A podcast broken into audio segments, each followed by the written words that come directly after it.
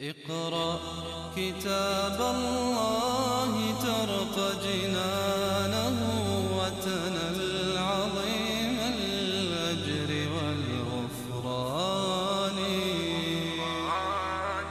رتله روي القلب من نفحاته كالماء يروي لهفة العطشان إنما المؤمنون إخوة.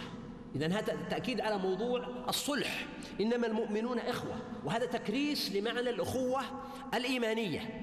ولم يقل إن العرب مثلا إخوة وإنما قال المؤمنين. ليشمل بذلك كل من تحقق له وصف الإيمان سواء كان يعني عربيا أو عجميا أو من أي جنس أو صنف كان. فأصلحوا بين أخويكم وفي قراءة بين إخوتكم. والمقصود أصلحوا بين أخويكم يعني بين الفريقين وأيضا أصلحوا بين أخويكم حتى لو كانوا اثنين فقط من الناس بينهم خصومة إخوة أشقاء أو أصدقاء وحصل بينهم أوقع الشيطان بينهم. هنا مطلوب منا أن نقوم في الإصلاح والسعي بينهم وليس تركهم أو التشديد على وجود هذه الفجوة والقطيعة. واتقوا الله لعلكم ترحمون. قال سبحانه يا أيها الذين آمنوا لا يسخر قوم من قوم. السخرية هنا هنا هي يعني نوع من الازدراء أو التنقص لأحد إما بماله أو بشكله أو بعشيرته أو قبيلته أو بلونه أو بجنسه أو بغير ذلك من الاعتبارات.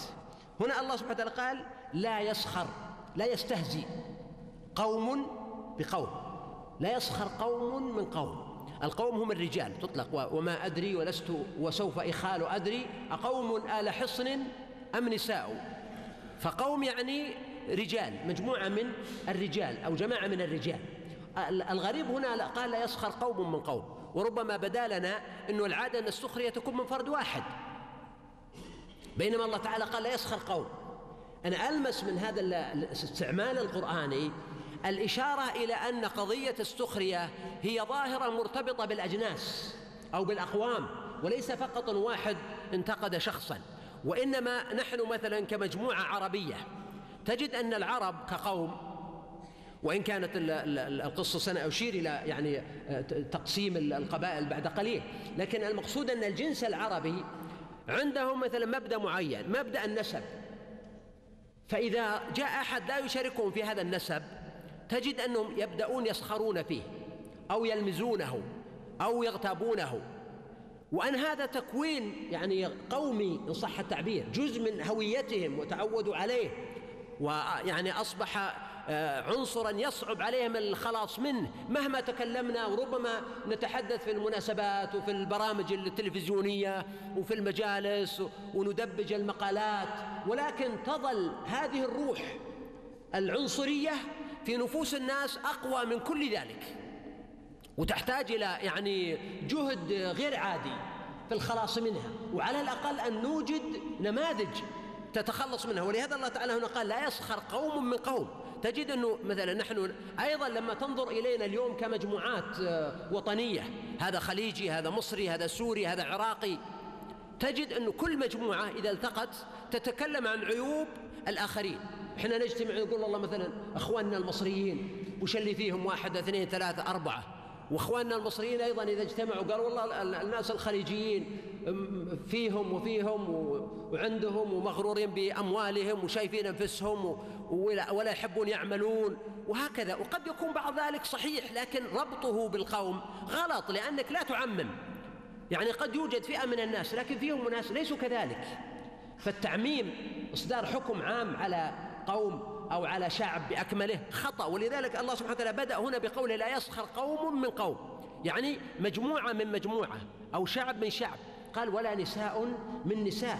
وفي ذلك إشارة إلى أن السخرية عند الرجال أكثر ولذلك بدأ بهم. ولكن النساء أيضا ربما تسخر النساء من مجموعة أخرى مجموعات أخرى. وهذا كثير ما نسمعه. يعني النساء المغربيات فيهم كذا السوريات فيهم كذا. حتى فيه نكت يتبادلونها في الجوال كثيرة من هال من هالنوع. هي نكتة يبدو لك أنها نكتة لكن هي في حقيقتها ومغزاها سخرية أو محاولة إلصاق آه، مآخذ أو معايب معينة بشعب من الشعوب أو جنس من الأجناس. فهذا نهي من الله سبحانه وتعالى أن يتم ذلك. وهو ينطوي على النهي أيضا عن السخرية من الأفراد. أنه لا يجوز لأن الله نهى عن ذلك أن يسخر أحد من المسلمين من أخيه. وفي الحديث وإن كان في مقال من عير أخاه بذنب لم يمت حتى يفعله. حتى لو كان يسخر به مثلا واحد متدين وعنده غرور التدين يسخر من إنسان عاصي أو مقصر هذا على خطر عظيم أنه قد يعافيه الله ويبتليك وقد يحبط الله تعالى عملك. وقد ورد في نزول هذه الآية الكريمة أن المجموعات التي جاءت إلى المدينة من بني تميم وغيرهم أنهم كانوا يسخرون من ضعفاء المسلمين من عمار وبلال وصهيب وغيرهم من ضعفاء المسلمين. وكذلك لما فتح النبي صلى الله عليه وسلم مكة وأمر بلال أن يصعد على الكعبة ويؤذن.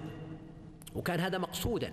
فبدأ يعني بعض قريش يتذمرون حتى يعني قال أحدهم الحمد لله أن مات أبي قبل أن يشهد مثل هذا الموقف. وهكذا يعني بدأوا يستنكرون ويستغربون لأن هذه قيم جديدة تتكون قيم من العدالة واحترام الإنسان بغض النظر عن جنسه أو عن لونه. لم يكونوا يتعودون عليها وكان يصعب عليهم تقبلها. فالله تعالى يكرسها هنا وأنه لا يسخر قوم من قوم عسى أن يكونوا خيرا منهم وعسى من الله واجبه. فهنا يعني المسخور به يكون خيرا من الساخر. أما بالنسبة للتاريخ فهذا مؤكد يعني من نزلت فيهم هذه الآيات. فإن حدثاء عهد الإسلام سخروا من السابقين الأولين لأنهم فقراء أو ضعفاء أو آه، آه، آه، بشرتهم سمراء أو أنهم غير عرب. حتى أنه يعني كانوا يأنفون من التعامل معهم في أشياء كثيرة ويعتبرونهم درجة ثانية يعني في البشرية أو في الإنسانية. فهنا الله سبحانه وتعالى قال عسى أن يكونوا خيرا منهم. وإذا قلنا عسى من الله واجب وهو كذلك معناه أن هذه الآية نزلت في أناس حدثاء عهد بإسلام. استهزأوا وسخروا بأناس أقدم منهم وأفضل عند الله تعالى منهم. وهذا يجعل الإنسان دائما يخاف. ممكن تسخر أنت من السواق السائق الموجود عندك أو من الشغالة الموجودة مثلا أو آه، تعطي أي كلمة تنسبه إلى جنسيته مثلا تقول بنغالي أو تنسبه إلى بلده أو ما أشبه ذلك أو تعير وقد يكون عند الله أفضل منك. وهذا هو المعيار. ما بيننا عرب ولا عجم مهلا يد التقوى هي العليا. خلوا خيوط العنكبوت لمن هم كالذباب تطايروا عميا. قال ولا نساء من نساء عسى أن يكن خيرا منهن. وهذا أيضا ورد أنه بعض بعض المسلمات سخرت من صفية وقالوا يهودية عيروها وسخروا من إحدى أزواج النبي صلى الله عليه وسلم بأنها قصيرة. أو ما أشبه ذلك من الأوصاف فقال الله تعالى عسى أن يكن خيرا منهن. وهذا مرده إلى أن المسخور به أفضل عند الله تعالى من الساخر في من نزلت فيهم هذه الآيات. إذن نهى أولا عن السخرية. والإنسان هنا يمكن أن يعبر عن نقد الواقع أو أو حتى يعني يعطي للناس نوعا من المتعة والطرفة والترفيه لكن دون أن يستخدم الناس كوسائل إيضاح. في فيما يريد.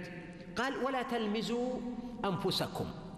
لأن مرد لمز أخيك المسلم هو لمز لنفسك. كما قال ولا تقتلوا أنفسكم. فهنا قال ولا تلمزوا أنفسكم. وقال سبحانه ويل لكل همزة لمزة. وكلمة همزة لمزة الهمز واللمز في كلام كثير جدا للمفسرين والشراح وعلماء اللغة العربية. لكن مرده وخلاصته أنه التعبير عن التنقص والازدراء لشخص إما بكلمات بسيطة أو كلمات خفية أو بالإشارة. ممكن الإشارة بالعين ممكن الإشارة باللسان أحيانا ممكن إشارة بالوجه يمكن باليد لما تشير بيدك معنى معين. هذه الإشارات معتبرة أحيانا وتوصل إلى المقصود بأكثر من الكلام. فهذا من معاني الهمز واللمز. فالله تعالى هنا نهى قال ولا تلمزوا أنفسكم. يعني لا يلمز أحدكم أخاه. واللمز هنا أنك قد تلمزه في وجهه يعني وهو أمامك وهو قدامك أو قريبا منك أو قد يكون في المجلس. وأحيانا ربما نعتمد على أنهم لا يعرفون اللغة فناخذ راحتنا معهم.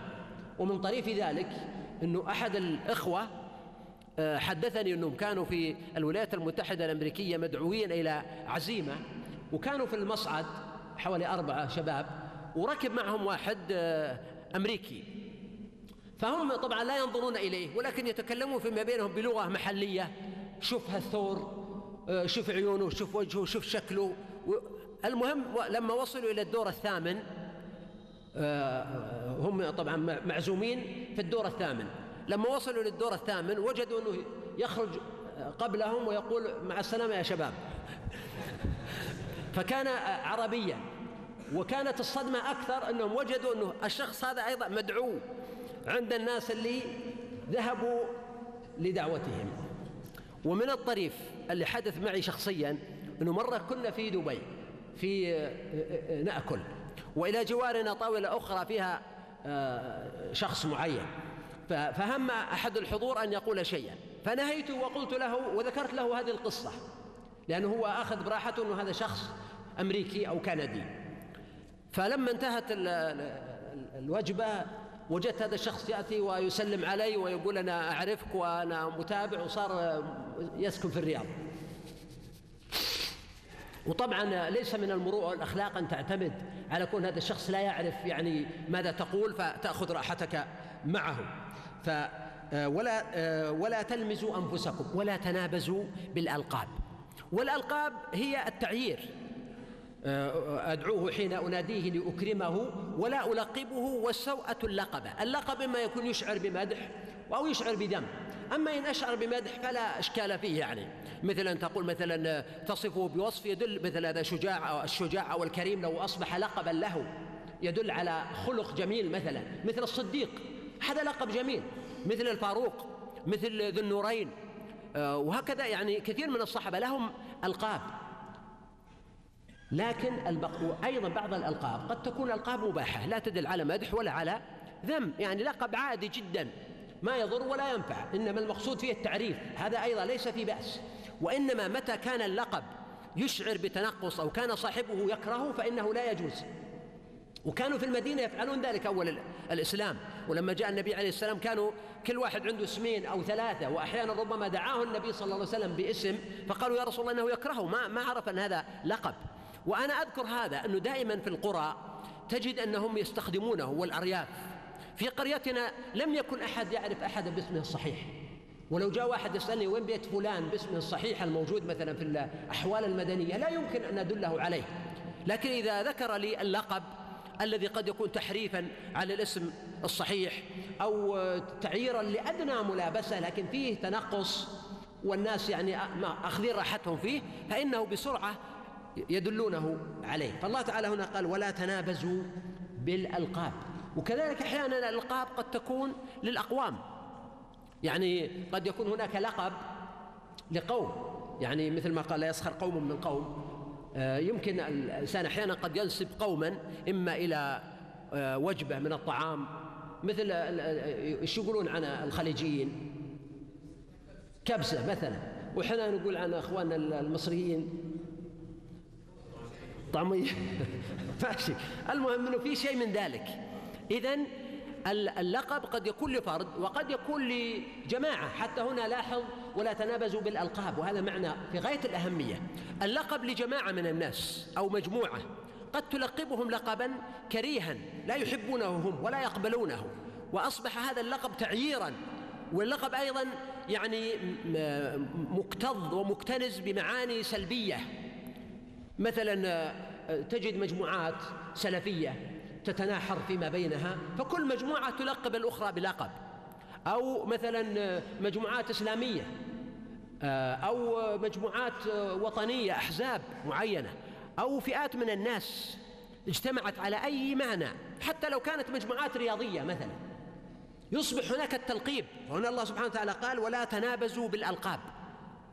فنهى عن استخدام اللقب الذي يؤذي ولا يكون محببا وقال سبحانه بئس الاسم الفسوق بعد الإيمان.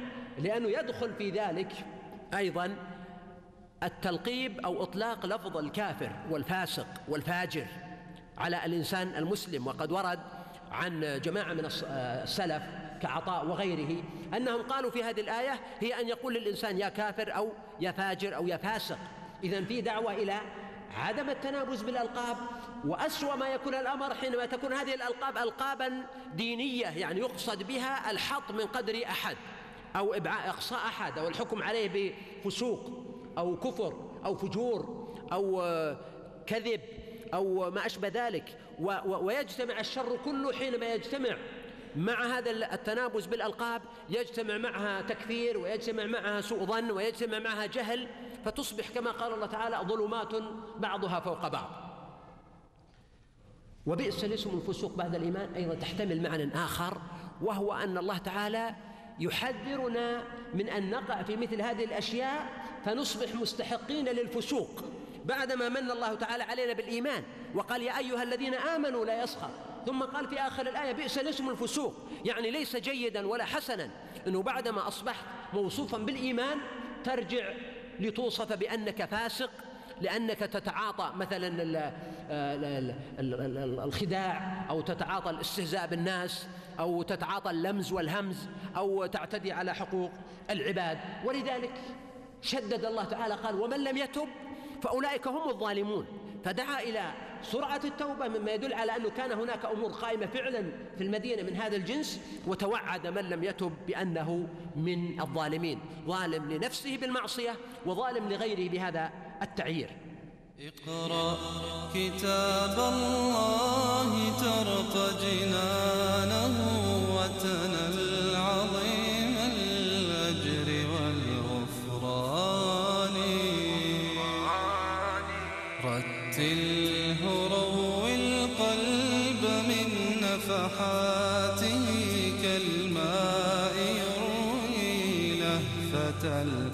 كالماء يروي لهفة العطشان